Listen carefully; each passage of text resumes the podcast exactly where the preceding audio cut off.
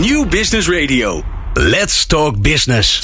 Met nu People Power met Glen van der Burg. People Power is een programma over de kracht van mensen in organisaties. Met interviews en laatste inzichten voor betere prestaties en gelukkige mensen. Deze week gaat Glen van der Burg in gesprek met... Gerwald van den Oetelaar van Catchphrase en Tom Bos van Online Academy. Welke rol spelen start-ups in de ontwikkeling en het leren in organisaties? Zorgen zij voor een aardverschuiving door hun frisse kijk op mens en technologie? En hoe is het eigenlijk binnen die start-up zelf geregeld met leren en ontwikkelen? In de studio Gerwald van den Oetelaar van Catchphrase. Hij richtte eerder Epical op, het bedrijf voor onboarding. En hij verkocht het in 2017. Dus als iemand weet hoe het eraan toe gaat in uh, startups, dan is hij het wel. En Tom Bos is in de studio eh, directeur van Online, Academy. Aukje Nauta is onze columnist. En wil je nou de nieuwste afleveringen van People Power via WhatsApp? Sla ons nummer dan op onder je contactpersonen 06 45 66 75 48. Stuur ons een berichtje met je naam en podcast aan. Dan sturen we de nieuwste afleveringen direct zodra ze online staan. Fijn dat je luistert naar People Power. People Power met Glen van den Burg. Ja, in de studio Gerwald en, uh, en Tom. Fijn dat jullie er zijn. Um, ja, mooi onderwerp waar we het over gaan hebben. Want uh, de start-ups hebben een soort mythische plek gekregen in onze, in onze samenlevingen. Daar gebeurt het. Daar zien we de toekomst. De toekomst van werk. Maar ook daar worden de nieuwe innovaties uh, gepland. Tom, ja, jij, wij hadden het van tevoren over. En jij zei, nou, we moeten Gerwald uitnodigen. Want ik ben wel benieuwd hoe hij aankijkt tegen die rol van start-ups. als het gaat over een leven lang leren. Ja, precies. waarom?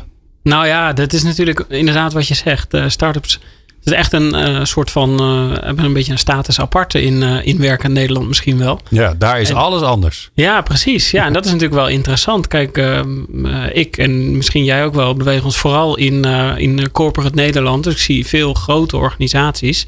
En ja, aan de andere kant heb je startups die dus op een hele andere manier werken en denken misschien wel. En het is natuurlijk interessant om te kijken... Ja uh, enerzijds, wat, uh, wat kunnen zij uh, brengen voor grote corporates en met name voor een leven lang leren, zeg maar. Is een, is een start-up cultuur in Nederland essentieel om een leven lang leren van de grond te krijgen of niet? Ja. En aan de andere kant, ja, start-ups zullen echt op een hele andere manier moeten leren. Daar heb ik wel ideeën over en een beeld bij. Maar ja, wil eigenlijk even Gerwald uh, een beetje de ja. diepte in vragen van hoe dat precies uh, gaat. Dus enerzijds hebben we uh, wat start-ups als aan kansen zien waar ze, waar ze oplossingen voor maken. Juist. Ja, binnen ons domein. Hè? Dus uh, binnen leren en ontwikkelen, binnen een leven lang leren. Hoe ze, dat al, hoe ze daar andere ideeën voor hebben eigenlijk dan wat we normaal aan, aan ontwikkelingen zien. Dat is ja. één. En het leuke is natuurlijk wel dat ja, Apple die begon al met onboarden toen we nog niet eens wisten dat het bestond volgens mij. Ja. Maar ja. de laatste tijd heeft iedereen het erover. Maar ja, Gerwold, jij was er al mee bezig toen, uh, toen, het, toen het woord nog uitgevonden moest worden volgens mij. ja. Ja, uh, maar daar ben ik wel benieuwd naar. Hoe, hoe ontstaat zoiets? He, want het, het idee begint ergens en dan ga je iets maken. Nou, even op de eerste plaats, als ik ga kijken naar een leven lang leren in relatie tot start-ups, dat is eigenlijk best bijzonder. Uh, omdat de levensduur van een start-up uh, niet altijd bekend is. En uh, nou ja, soms ook niet heel erg lang is. Ja. Um, dus nou, ik vind het wel interessant om te kijken inderdaad hoe leren in start-ups werkt, hoe ik dat zelf gedaan heb. Uh, als ik ga kijken hoe Epical uh, destijds gestart is. Uh, ja, er is nieuwe technologie. Hoe zet je die technologie in? mobiele technologie. En ik wilde eigenlijk destijds leren zo dicht mogelijk bij de werkplek brengen. En, uh, de eerste en waarom wilde je dat? Uh, omdat ik denk, hoe dichter je het bij de werkplek uh, brengt, dus binnen de context van het daadwerkelijke werk, ehm, hoe sneller datgene wat je leert ook toepasbaar is. dus ik dacht, nou, als, als je dat met een smartphone bijvoorbeeld of een tablet destijds voor elkaar kunt krijgen, nou, dan, dan, dan kun je dus dat leren stimuleren. Ehm, en, en dat is soms ook heel praktisch leren stimuleren. Maar je, blijkbaar zag jij dat het nog niet zo was. Waar zag je dat? nou ja, je gaat op zoek naar oplossingen. Destijds uh, zat ik bij de Boutin groep. je gaat op zoek naar oplossingen die dat voor elkaar hebben. met veel e-learning programma's gewerkt. En toen kwam ik er eigenlijk achter, ja, dat bestaat eigenlijk helemaal niet. Het idee van onboarding was destijds nog niet echt geboren. We kwamen er alleen vrij snel achter toen we dus mobiele technologie gingen inzetten bij leren, dat onboarding echt een heel specifiek thema was. Wat bij organisaties leefde. Soms wisten ze niet dat het leefde. Maar, maar je kwam er in gesprek al vrij snel achter dat dat een belangrijk thema was. Maar gewoon dus, het bestond niet. Uh, dus ja, dan ga je het maar zelf maken. Is het ook omdat het het moment is dat mensen misschien wel het meest eager zijn? Ze gaan iets nieuws beginnen. Het is spannend. Ja. Nou ja, eagerness is één. Uh, maar, maar de kans dat het faalt uh, is ook vrij groot. Uh, als je ze laat zwemmen in dat begin. Dus uh, je hebt ze op de piek van een enthousiasme. Maar dat enthousiasme dat kan ook vrij snel weer verdwijnen. Op en het omslaan moment, zelfs. Ja, ja omslaan. Ja. Uh, en dat zagen we ook wel. Binnen de eerste maanden uh, besluiten heel veel uh, werknemers al weg te gaan en gaan op zoek naar een andere baan. Nou, en dat, dat punt pakken waarbij je zegt: hé, hey, wacht even, die motivatie die hou je vast. nou, dat was eigenlijk wel de ambitie destijds om dat goed te kunnen doen. Ja, ja, ze, ja Tom. Ja, ik zat even te denken van, dus je hebt het eigenlijk toen eerst de oplossing bedacht en toen het probleem, zeg maar, even ja. heel plat gezegd. En dan heb je dus een, een applicatie voor, uh, of uh, iets in de richting van mobiel leren op, uh, op platforms. Denk je nou dat, dat zeg maar een, een grote organisatie daar niet ook gewoon zelf mee had kunnen komen? Of ja, zeg maar, is het een, een nuttig geweest dat je op dat moment in een start-up overstapte? Nou, dat, ik, ik denk de eerste oplossing die gemaakt was, dat was de Ahold-oplossing. die had Ahold zelf kunnen bouwen. Alleen we kwamen er wel vrij snel achter. Als, als je dit uh, schaalbaar en wilt uitrollen en wilt aanbieden aan meerdere organisaties. Dan moet je daar een platform van maken. En individuele corporates gaan niet een platform ontwikkelen voor andere organisaties. Ja, ja dus die gaan eerst maatwerk uh, zeg maar, ja. natuurlijk voor, zich, uh, voor zichzelf bouwen. Ja, ja, klopt. Oh ja, ja precies. Nou wat natuurlijk wel interessant is, is dat jij eigenlijk zegt: ja, ik, ik zag die kansen van mobiel. Ik zag dat het dichter bij mensen moest komen, dichterbij in hun eigen context. Uh, dus het is begonnen bij leren. Uiteindelijk wordt dat dan onboarding. Ja. Maar zo is het niet begonnen. Nee, nee. Uh, nou ja, het mooie marketingverhaal erachter was wel dat het zo begon natuurlijk. Maar, ja. maar, maar, uh, ja, maar het echte verhaal is inderdaad dat, dat eigenlijk gaandeweg het opzetten van mobiel leren kwamen er dus inderdaad achter dat onboarding een, een belangrijk thema was. Ja, en, en dat het makkelijker werd om het daar aan vast te hangen eigenlijk. Ja, maar nou ja, en, en de herkenning. Uh, weet je, als je als start-up uh, belangrijk is gewoon verkopen. En je, je ziet ook als je in gesprekken zit met klanten, waar haakt een klant op aan? En er was niemand die het verhaal. Weet je nog dat je ooit een keer bent ingewerkt en hoe dat was? Iedereen had wel een referentie van een moment ja. dat het niet ja. goed was gegaan. Ja, precies. Ja, zwemmen. Ja. ja. Oh ja. In het diepe gegooid. Ja, en ja. kijken wat er gebeurt. Zonder laptop, zonder inlog, zonder pasje. Ja. Hoe normaal is nu uh, uh, mobiel leren, Ger? Wat denk jij? Is dat, een, is dat totaal geadopteerd binnen corporate Nederland? Of is het nog... Nou ja, het, het, het, hoe kijk je naar mobiel leren? Ik ben nu met Catchphrase een nieuw platform aan het opzetten, wat echt mobiel leren is, maar waarbij het mobiele apparaat dus ook het uitgangspunt is. De smartphone, het meest gebruikte apparaat van een, van een medewerker, ja. is het uitgangspunt. Dus je ziet wel mobiel leren, maar dan zie je toch nog steeds wel dat dat web-based oplossingen zijn, desktop oplossingen die ook werken op een smartphone. Ja, ja. Um, en ik denk als je echt naar mobiel leren wilt, dat je ook echt gebruik moet maken van die, van die technologie, van die smartphone technologie. Ja. En moet je dan ook de content, de content aanpassen? Omdat je gewoon een ander gebruiksmoment hebt? Um, de, de, nou, als, ik, als ik nu ga kijken uh, met, met het laatste platform, dan pas je de content, content aan uh, specifiek uh, gericht op een taak die iemand gaat doen. Dus dan is het eigenlijk meer instructie dan training. Maar van instructie leer je natuurlijk ook ontzettend veel. Um, en die content die moet ook snel aangepast worden. Dus, dus als je gaat, je hebt leermodules. Uh, je kunt bijvoorbeeld leren over, ik noem maar iets, over crowd management. Maar wat gebeurt er in de praktijk in het stadion als je daar staat? Corona, in één keer veranderen de regels. ga je dan hele leermodules aanpassen? Of ga je dan zeggen, nee, we gaan heel erg richten op protocollen. En daar dus specifiek op instructie op geven. En dat zie je wel veel meer. Dus dat je ook echt flexibel moet kunnen inspelen op die behoefte ja. die er ligt. Ja. ja. En wat ik nou wel zo wel interessant vind, is dat destijds toen jij met Epicor begon, en nu begin je weer met iets nieuws, begin je, richt je je op iets specifieks. Daar ga je iets voor maken. Je hoort eigenlijk in jouw verhaal ook wel dat tijdens dat maken verandert het ook. Hè? Ja. Want daardoor leer je van je klanten en die zeggen ineens van ja, vind het super interessant, maar dan moet het wel dit erbij zitten. Of moet het wel zo eruit zien. Het moet wel groen zijn of paars. Um, waarom doen al die grote jongens dat niet? Want die hebben die klanten al. Die hebben al de technologie, die hebben mensen rondlopen. Die hebben al een platform waar ze kunnen zeggen: we hebben iets leuks, uh, leuke feature erbij bedacht. Hup, plakken we eraan vast. Ja. Nou ja, kunnen mensen ook hun salaris online inzien. Hartstikke leuk. Ja. Ja, dat, dat... Toch, toch hebben, hebben start-ups daar een hele belangrijke rol in. Dat klopt inderdaad. Um, start-ups hebben het geluk uh, dat ze van, van scratch kunnen beginnen. Uh, er is geen technische schuld. Dus als je, je kunt eigenlijk als het ware zeggen: we kunnen beginnen aan de tekentafel. Uh, uh, identificeren een probleem of we willen iets gaan doen. En vanaf die tekentafel ga je bouwen met de nieuwste technologieën die zich nu weer ja. op de markt aanbieden. Als je al een grote organisatie bent, een platform hebt nou ja, dan begin je dus niet met de tekentafel. Uh, dan is het ook veel lastiger om nieuwe technologieën te implementeren. Uh, omdat je al een technische schuld opgebouwd hebt. Dus dat is het voordeel van de start-ups. Ja, ja, dus dan redeneer je echt vanuit, als, als grotere organisatie, redeneer je sneller natuurlijk vanuit wat je al hebt. Ja. En, en wat daardoor ook niet kan, blijkbaar. Ja. ja. precies. Dan ga je natuurlijk snel wat beperkingen zien. Of je hebt al behoorlijk wat investeringen gedaan. En je moet vrij snel weer een grote investering doen. Dat kan natuurlijk niet iedereen dragen. Nee. Ben je bereid om je eigen platform weg te gooien om een nieuw te bouwen omdat dat beter werkt? Dat is een behoorlijke beslissing die ja, je natuurlijk. Ja. Uh, en dat zal lang niet iedere organisatie kunnen en willen doen. Ja, waar, waar ik zo wel benieuwd naar ben, uh, want dan blijven we nog een beetje in deze hoek. En dan gaan we daarna uh, halverwege alweer over naar wat kunnen we eigenlijk leren van de start-up cultuur die er is. Is um, ja, als wij met z'n drieën nou even nadenken, waar zien we dan nog gaten in, ehm, ja, in het hele online leren of uh, technologie in combinatie met, uh, met een leven lang leren. Ja. Waar, ja. waar, waar we start-ups gaan verwachten. Dat hoor je zo. People Power op Nieuw Business Radio. Ik ben Rachel van Raan, hoofd en Plecht Vos en ik laat me graag inspireren door People Power.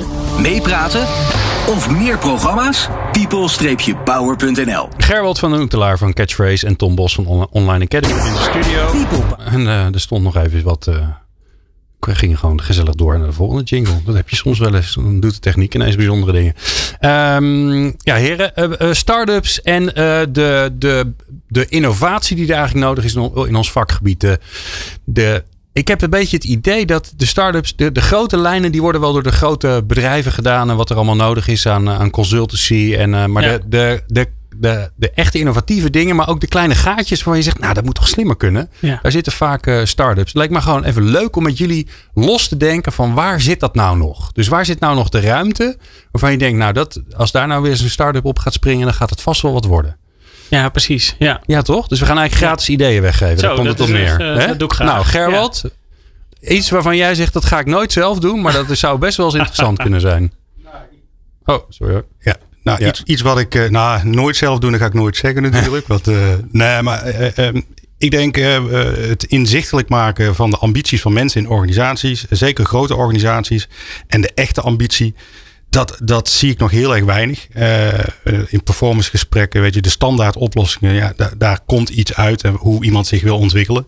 Maar de echte ambitie, waarbij uh, organisaties ook durven te vragen wat iemand echt wil. En dat kan mogelijk betekenen dat ze naar een andere organisatie toe gaan. Dus dan heb je het over een leven lang werken, leven lang leren. Ja. Ja. Ik denk dat daar uh, nog wel een kans zit. Uh, om, en vooral over organisaties heen. Dat zou natuurlijk mooi zijn. Ja, nou ja, da, ja, en de vraag is of organisaties dat willen. maar ik denk wel dat daar nog een, een, een gat zit waar nog niet echt heel veel oplossingen zitten. Ja, ja. precies. Ja, het is voor leven lang leren natuurlijk essentieel dat je dat, dat, je dat gaat invullen. Ja. Ik had zelf nog twee dingen in mijn hoofd ook. Nou, kom Mag het? Ja, nee, natuurlijk. Ik ben heel benieuwd. Eentje was uh, op vrij korte termijn. Daar zie je wel wat ontwikkeling in. Maar dat uh, is het online proctoring. Zeg maar het, uh, het afnemen van examens op afstand. Dat, dat gebeurt nog relatief weinig. Maar door de huidige tijd is het natuurlijk super relevant. Zeker. En normaal gesproken moet je in een klaslokaal komen. Zodat we jouw paspoort even kunnen zien. Of ID-bewijs. Om te bewijzen dat jij die persoon bent. En dat we dan op jouw bureau kunnen kijken of je niet aan het speaker bent en dat soort dingen. Ja, ja een, een echt goed uh, online alternatief daarvoor. Waardoor je gewoon op afstand kan aftoetsen als iemand gewoon thuis zit. Dat hij thuis examen zou kunnen doen. Of, uh, of in een andere vorm zou echt, uh, denk ik, in de markt een, ja. een hele grote toegevoegde waarde hebben. Interessant. Ja. Waarbij het natuurlijk heel belangrijk is dat het super betrouwbaar moet zijn. Ja, dat is ook meteen de totale... Blockchain erin of zo. Hè? Dat mm. hoor ik dan vaak mensen zeggen. Als iets betrouwbaar moet zijn, dan, dan moet het Dan doen we gewoon gelijk ja, Moet je het in ieder geval noemen, want dan ja. gelooft iedereen dat En dan wil mensen het hebben. Oh, nee, precies. Nou, dan, dan, zit het wel goed. Dan is het modern en hip. Gebaseerd op blockchain zeggen we dan. En dan is het wel, wel, prima. Ja, ja. ja. precies. Oké. En de ander? Die ander is dus dan uh, meer uh, eigenlijk voor kleinbedrijf. Omdat um, ik denk dat het best wel interessant is om te kijken hoe wij... Uh, met name kleinere organisaties die eigenlijk niet geld hebben voor medewerkers om ja, HBO-opleidingen te volgen, bijvoorbeeld, of masters of MBO-opleidingen. Lang, uh, langdurige en dus ook vaak uh, kostbaardere opleidingen, zeg maar, te volgen. ja, we, daar moet een manier voor komen om dat wel mogelijk te maken. Uh, natuurlijk uh, met een of andere financiering of dat soort dingen. Maar ook gewoon, denk ik, om transparant te maken welke ontwikkeling die mensen doormaken. Want die staan niet stil. Die volgen, of die leren eigenlijk gewoon op een hele andere manier. Dat is natuurlijk een super handig ja. haakje ook naar die start-ups voor zometeen. Maar uh, ja, ik denk dat, uh, dat daar heel veel geleerd wordt wat onzichtbaar is. En wat je dus niet echt helpt. Of zeg maar wat je niet op je cv kwijt kan. Ja. Laat ik het zo zeggen. Ja. ja. Ja, ik vliegen van allerlei dingen door mijn hoofd. Maar een van de dingen waar ik aan moet, moet denken is een, een slimmere manier om, uh, om zeg maar alle, alle projecten en klusjes die er in organisaties zijn, om daar mensen voor uit te kiezen. Dat gaat ja. Denk ik voor een groot gedeelte nog steeds op basis van, ja, volgens mij moeten we die dan hebben, want die, uh, die kan dat wel. En dan ja. wordt er weer, het zijn altijd een beetje de usual suspects, die komen weer in zo'n projectteampje terecht. En ik denk als je dat vastlegt in een systeem waar je gewoon heel snel makkelijk mensen bij elkaar kan krijgen. Ik heb wel zoiets wel al eens een keer gezien, gevisualiseerd. Wel ja. heel leuk. Maar nog niet echt op grote schaal toegepast. Dat, dat lijkt me heel erg mooi. Is volgens mij ook heel belangrijk voor leren. Want dan kan je weer zeggen, hey, dit zou ik, hè, een beetje in, in lijn van jouw ambities, Gerwald. Dit is mijn ambitie of dit zou ik graag willen leren of hier wil ik aan bijdragen. Dan kan ja, dat hè, vraag en aanbod ja. bij elkaar komen. En het andere, um, waar ik aan zat te denken, maar dat is meer wat ik zelf heel veel tegenkom. Daar is wel het een en ander voor, maar dat duurt wel een tijd voordat iedereen dat inzet. De communicatie met medewerkers, überhaupt. Dus een hoe een organisatie communiceert ja. met zijn medewerkers over het medewerker zijn. Met alles erop en eraan.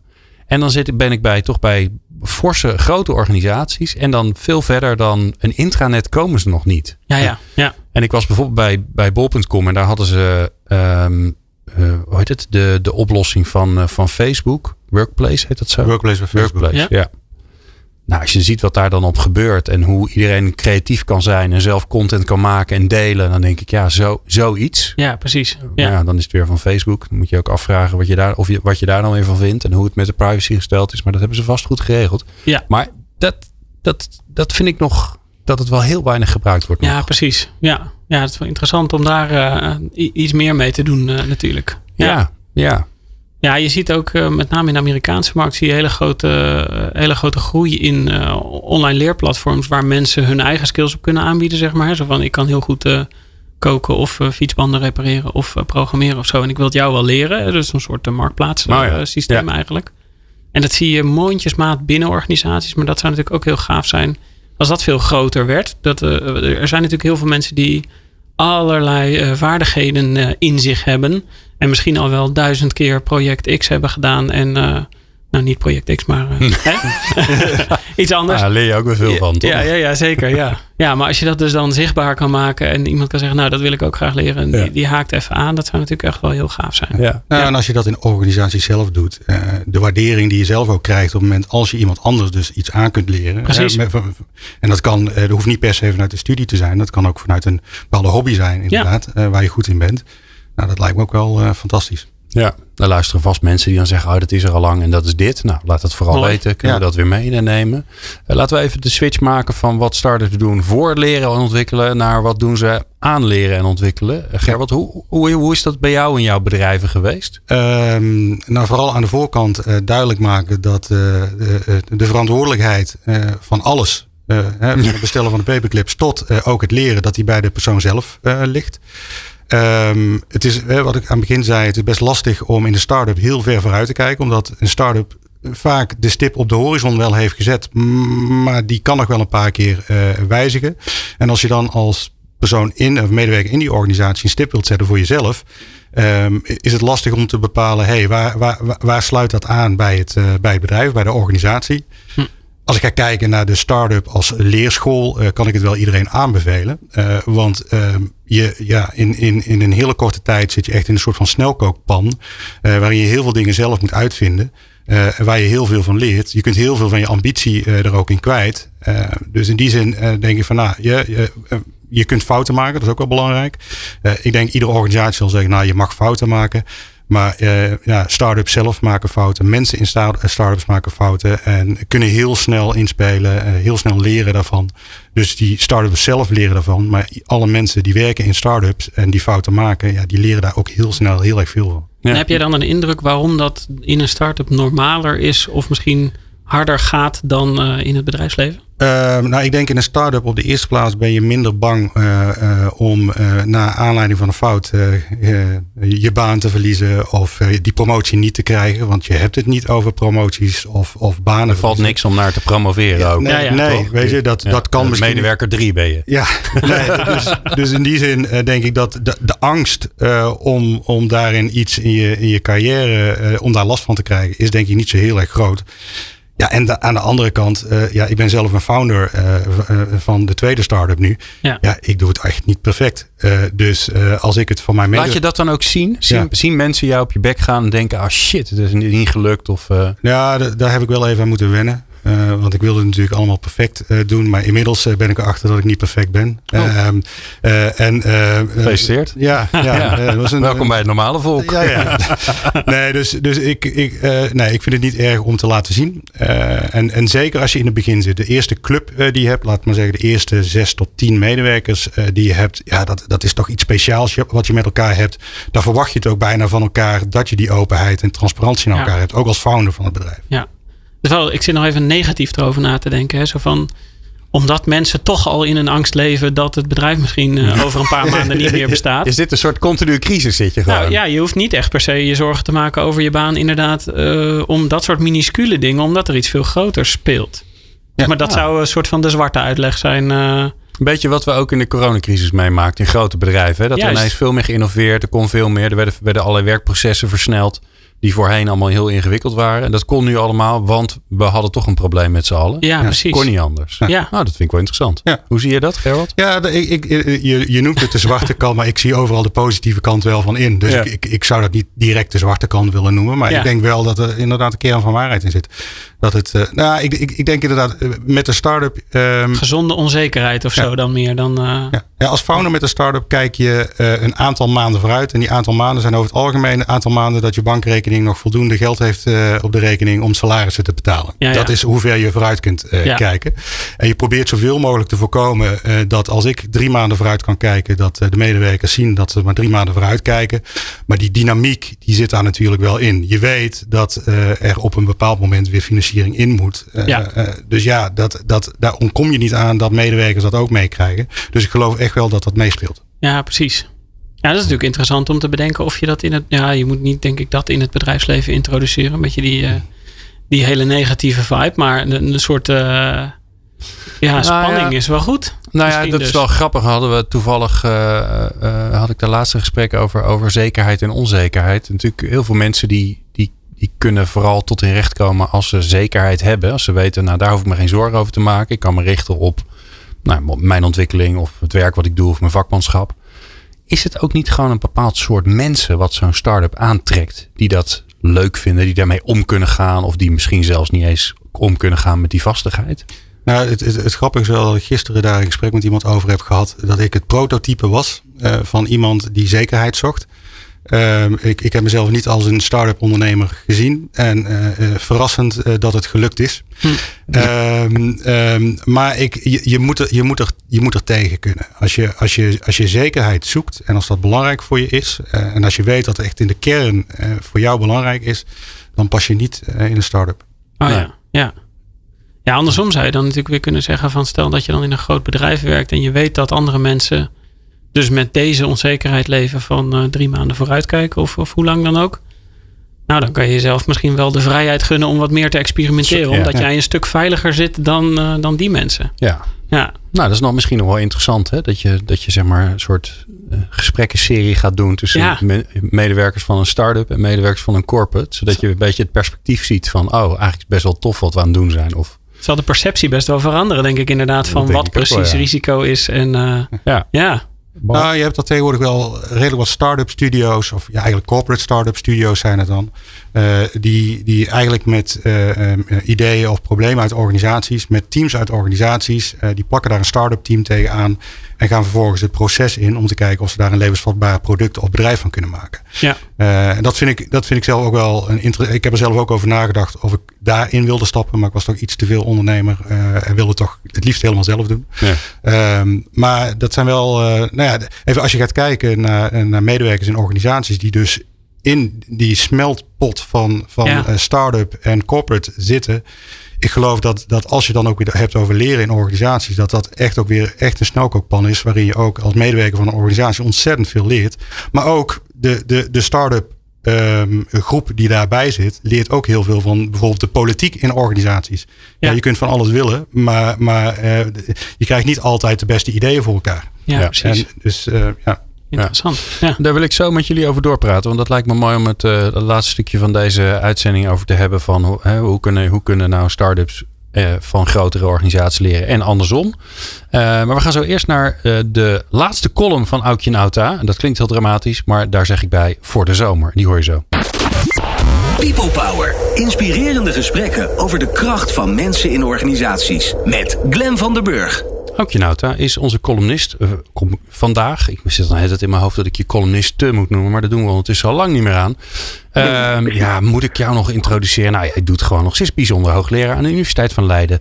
En heeft haar eigen adviesbureau Factor 5 samen met Christophe van de Ven. En ze is gewoon een heel leuk mens. En ze is ook nog eens een keer aan een nieuw boek aan het schrijven. Wat ik alvast heb mogen lezen. En wat een fantastisch boek wordt. Want ik vond echt, ja, ik, ik, ik, uh, ik zeg dat wel vaker. Maar dit heb ik echt van A tot Z helemaal uitgespeld. En ik was, uh, nou, het was dan de bedoeling dat ik daar commentaar op gaf. Een hele stuk heb ik niks opgeschreven. Omdat ik er gewoon zo in zat. Dus dat is alleen maar een heel mooi compliment. Uh, het zal nog even duren, want het is nog niet klaar. Maar uh, het komt eraan en het gaat over schaamte en schaamteloosheid. Nou, Aukje. En je column ja. gaat al een beetje die kant op, hè? Ja, ja, want ik ga het hebben over schaamteloos werkgeverschap. Um, want ja, voor mijn boek moet ik natuurlijk eigenlijk ook nog wel een beetje op zoek naar wat mooie voorbeelden. En um, nou, ik kom ook op dit thema omdat nou, ik heb bij de start van de zomervakantie voor alle luisteraars een absolute must-read. Voor, voor nou, in het huisje in Drenthe of op de Veluwe, waar geloof ik de meeste Nederlanders dit jaar volledig corona-proof en nog klimaatbewust ook hun vakantie doorbrengen. Maar goed, dat boek dus, die boekentip. Fantoomgroei. Ik kreeg het zelf aangeraden van een mede-columnist hier bij People Power, Harry Starren. Maar ik kan me ook indenken dat mijn oproep al wat overbodig is. Want Fantoomgroei staat al vier weken in de top 10 van best verkochte non-fictie.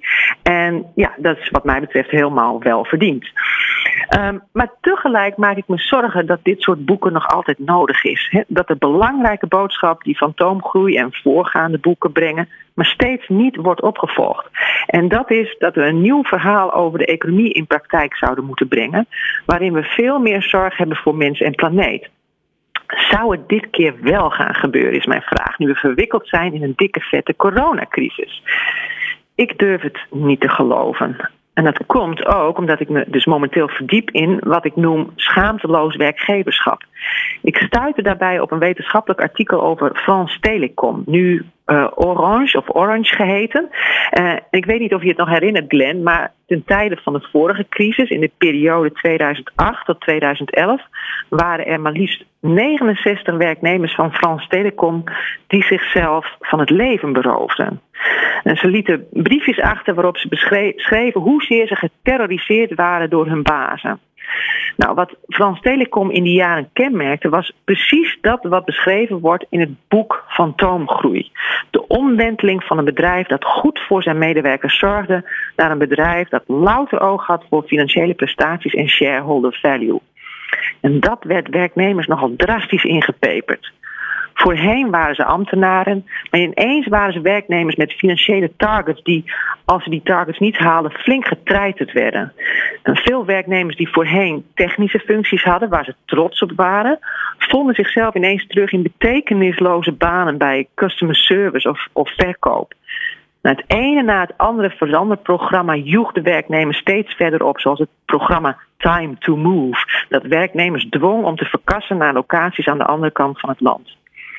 Nou, die bazen van Frans Telecom die veroorzaakten één grote breuk in het psychologische contract dat werknemers met het bedrijf hadden. Jarenlang waren ze loyaal aan een zorgzaam bedrijf en ineens switchte dat psychologische contract van familiair en relationeel naar strikt zakelijk, waardoor mensen hun basale behoeften niet meer konden vervullen. Door al die overplaatsingen verloren mensen hun vaste collega's, wat hun behoefte aan verbinding doorkruiste. Velen moesten verplicht switchen van een zinvolle naar een zinloze baan, wat hun behoefte aan competentie doorkruiste. En omdat alles top-down ging, werd ook een derde behoefte doorkruist, die aan autonomie. De baan van techneut was voorheen een en al zelfmanagement. Maar nu kregen zelfs techneut onhaalbare financiële prestatieindicatoren opgelegd. Veel mensen kregen last van gevoelens van schaamte, zinloosheid en isolement, die een aantal van hen te veel werden. Nou, de wetenschappers die de casus bestuderen, die spreken van anomie als typering van de situatie bij Frans Telecom. Een woord dat ik eerlijk gezegd niet kende, maar dat zoveel betekent als normloosheid, ofwel een systeem zonder regels en normen.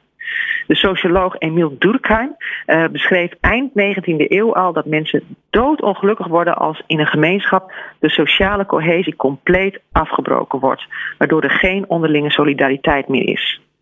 Nou, wat wel goed is om te weten is dat de zeven opperbazen van France Telecom inmiddels zijn bestraft. De ex-CEO DJ Lombard werd eind 2019 veroordeeld tot een jaar cel en een boete van 15.000 euro. Het bedrijf moest 3,5 miljoen euro betalen aan de families van de slachtoffers. En toch, toch heeft dit bedrijfsdrama nog geen wereldwijde omwenteling in onze economische en bedrijfsmatige systemen teweeggebracht. Dus het is daarom dat ik het somber inzie of er echt geluisterd zal worden naar het nieuwe economische verhaal dat Heine en Noten in fantoomgroei zo sterk bepleiten. Ik help het ze hopen. En ik hoop dat de luisteraars van People Power dat ook doen. Dus koop en lees dat boek. Wat zou het mooi zijn als er toch mooi wel een postcoronale beweging op gang komt waarin schaamteloos werkgeverschap voor goed verleden tijd zal zijn. Ja, Aukje. En het leuke is dan weer dat jouw column, het begint een soort drosteneffect te ontstaan. Want, want de, de aanleiding van jouw column was de aflevering van People Power van vorige week. Want daar was de gast Hendrik Noten, de co-auteur Nou. van Fantoomgroei. Dus leuk. zo leidt het een weer tot het ander. Ja, Ja, wat ik, wel. Ja, wat ik wel heel leuk vind om te zien is dat, want ik maak ook nog een ander programma, dat heet Impact, dat gaat over duurzaamheid, dat die onderwerpen steeds meer in elkaar over beginnen te lopen. Dus eh, binnenkort kan ik volgens mij een fusie gaan doen tussen het ene programma wat ik heb en het andere programma. Nou, gelukkig maar, want het gaat allemaal over duurzaamheid. En wij mensen zijn natuurlijk eigenlijk ook een stukje natuur, toch? Zeker, ja. Ja, absoluut. Daarom. Hey, ehm, ik, eh, ik hoor jou weer na de zomer en dan ben ik eh, heel benieuwd, benieuwd naar je volgende column over schaamte en schaamteloosheid. Dankjewel. Hartstikke bedankt, dag. People Power op Nieuw Business Radio. Dit is Menno Lanting, spreker en schrijver. En ik kan me voorstellen dat je wellicht eens op zoek bent naar nieuwe inspiratie, nieuwe inzichten. En daar niet altijd wellicht de tijd voor neemt. Ik zou je zeggen, doe dat toch. En kijk dan vooral eens naar People Power. Mooie verhalen, mooie inzichten. Ik raad het van harte aan. Meepraten of meer programma's? people-power.nl Ja, we zijn alweer bij het laatste blokje eh, beland. Eh, ja, Tom, we hadden het net over eh, wat eigenlijk heel veel van het leren bijna vanzelf gaat door hoe een start-up in elkaar zit. Ja. Ehm, als jij daar nou een bespiegeling op doet, dus jij kijkt daarnaar als iemand die continu met opleidingen bezig is, ook vanuit de filosofie die jullie natuurlijk hebben Ja. met de Online Ja. Academy, wat Ja. zie je dan eigenlijk? Welke elementen zitten er in zo'n start-up waardoor het vanzelf gaat? Nou ja, het is natuurlijk zeg maar heel eh, logisch dat als je in een start-up werkt en de, de druk op het behalen van een bepaald resultaat is, eh, is heel groot. Hè, omdat het gewoon, je wilt met z'n allen zorgen dat jouw bedrijf een succes wordt. Een soort eh, ja, drempel wil je over. Ja, dan, dan ben je zoveel bezig met resultaten bereiken met maar een paar mensen.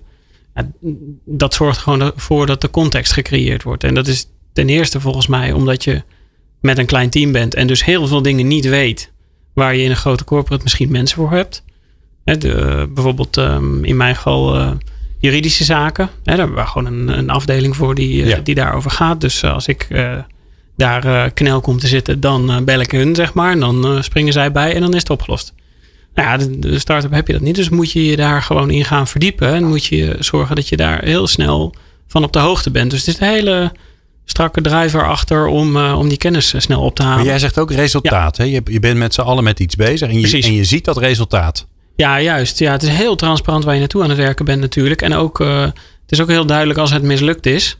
Of als je dus geen nieuwe financiering ophaalt. Of als het niet lukt om Ja. die, die ene klant die je nodig had binnen te halen. Dan de, de consequenties zijn natuurlijk heel groot. Ja, en ik Dus hoorde Aukje Nauta ook al even, die noemde de, de, de drie, eh, de, drie drijfveren Ja. van, eh, Ja, van autonomie, DC en Ryan. Hè? eh, ja. en, eh, zingeving. Ja, Nou, die autonomie, die kan ik me voorstellen dat die er veel meer is in zo'n in zo'n start-up. Waarbij je gewoon ja, toch meer je eigen gang kan gaan dan. Ja, precies. En ik denk ook als je nummer drie of twee, drie en vier bent in een start-up. Kijk, de nummer één, dat die de zingeving heeft en een soort van totale driver achter dat bedrijf, dat is logisch. Maar ik denk ook als jij in een heel klein bedrijfje gaat instappen, verder zelf niet echt heel veel hebt, dan stel je je nogal afhankelijk op. Dus volgens mij doe je dat veel sneller als je iets hebt met de soort van de, de visie die de founder heeft. En dat zorgt er dus volgens mij voor dat dat op dat stuk van de zingeving ook uh, heel erg veel zit. Uh, ja. Ja. ja. Gerwald, hoe, hoe hou je dat vast? Want de, aan het begin, dan snap ik het allemaal. Het is allemaal nieuw en uh, mooie visie. En uh, oh, je ziet gelijk resultaat. Maar ja, je hebt, want je hebt Epic een jaar of vijf volgens mij gedaan. Hè? Ja, ja. ja na een jaar of twee, dan, dan weet iedereen het wel. Ja, zou je denken. Ja. ja nou, nee. nou, wat ik wel interessant vind om te zien is... Want je hebt het over de eerste vijf, zes medewerkers. Wat je daar nog heel sterk ziet is een bepaalde trots Hè? Dus, uh, de, oh, de, dus de eerste vijf, zes medewerkers zijn bijna net zo trots op het bedrijf als je zelf als founder uh, bent. En dan ga je daarna mensen aannemen. En uh, ik moest daar wel aan wennen. Dat, dat, oh, daar, daar zat minder trots. Dat was veel meer een baan. Ja. Um, dus, dus met die eerste vijf, zes dat vasthouden, dat, dat, dat lukte eigenlijk nog wel. Ik denk dat we ook nog wel altijd het voordeel hebben gehad dat we een product hadden wat constant in ontwikkeling was. Uh, en eigenlijk bijna letterlijk iedere twee weken was er een feestje. Want er was een feestje, want er werd iets nieuws op. Nieuwe release, nieuwe sprint afgelopen. Ja, ja, Dus, dus en dan denk ik, hoe hou je het vast? Is successen vieren. Dus uh, successen vieren van het product wat we ja. de volgende stappen zetten. Successen vieren van een klant uh, die heel erg blij en tevreden is. En het succes van een nieuwe klant. En zolang je, zolang je die focus blijft houden, dan kun je het wel vasthouden. En een andere, denk ik, en da da daar gaan founders nog wel eens even de mist in, is dat, je, dat je bepaalde ambities neerzet. Dus resultaat is belangrijk. Maar dat je wel iets neerzet wat ook haalbaar is. Je ziet in startups vaak dat de hockeystick uh, aan omzet uh, aan een investeerder uh, getoond wordt. Maar dat is, door, ja, dat is bijna niet te behalen, zo'n omzet.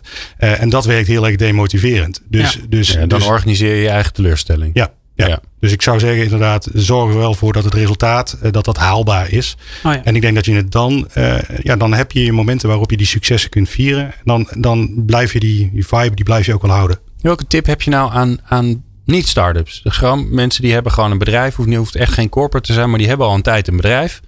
En die, die, ja, die willen ook een beetje dat gevoel terug van uh, we doen het met z'n allen en samen tegen de wereld. En uh, we doen allemaal hetzelfde t-shirt aan. Wel, ja. welk, welke tip zou je ze geven? Nou, dan kom ik toch terug uh, met wat ik in het vorige blok zei. wat ik heel erg nou ja, gezien heb bij corporate startups. Dus um, de beste ideeën die komen uit, uit je eigen bedrijf ook nog wel. Er is niemand die, die het bedrijf beter kent dan je eigen medewerkers. Um, dus, dus maak gebruik van die kennis en ben niet bang uh, om uh, van die medewerkers dus ook te horen wat er verkeerd is, wat er niet goed gaat.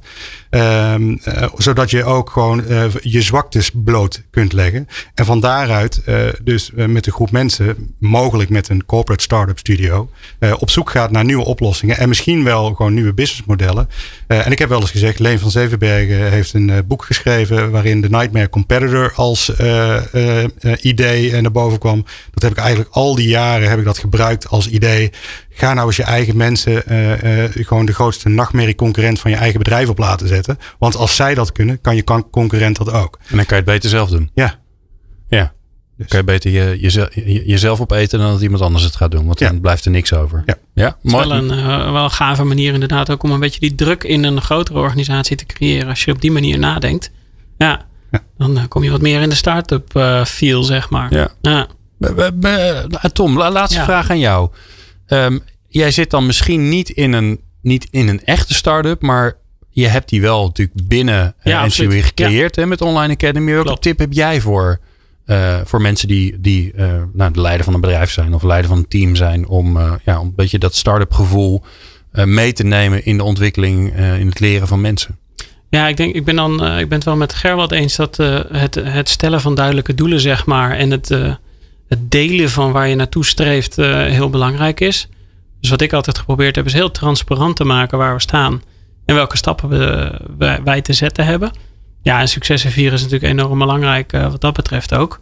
Kijk, uh, ik moet wel zeggen, wij profiteren enorm van de grote holding achter ons. is het, is het niet alleen al doordat we nou ja, door de aard van onze organisatie toegang hebben tot ontzettend veel leerbronnen. En ja. ik dus mijn mensen wel gewoon een, een bachelor of master opleiding zou kunnen laten volgen als die, dat, als die dat leuk vinden. Of elke training die hun uitkomt. Dus ja, zeg maar richting start-up founders en zo. Ja, het zou echt. Ik denk dat het heel belangrijk is dat je vooral zorgt dat je de juiste bronnen van, van leren introduceert. Dus dat mensen hun weg weten. En ja, als je een set met developers hebt zitten en die hebben toegang tot Stack Overflow en zo, dan, dan komen ze er ook wel.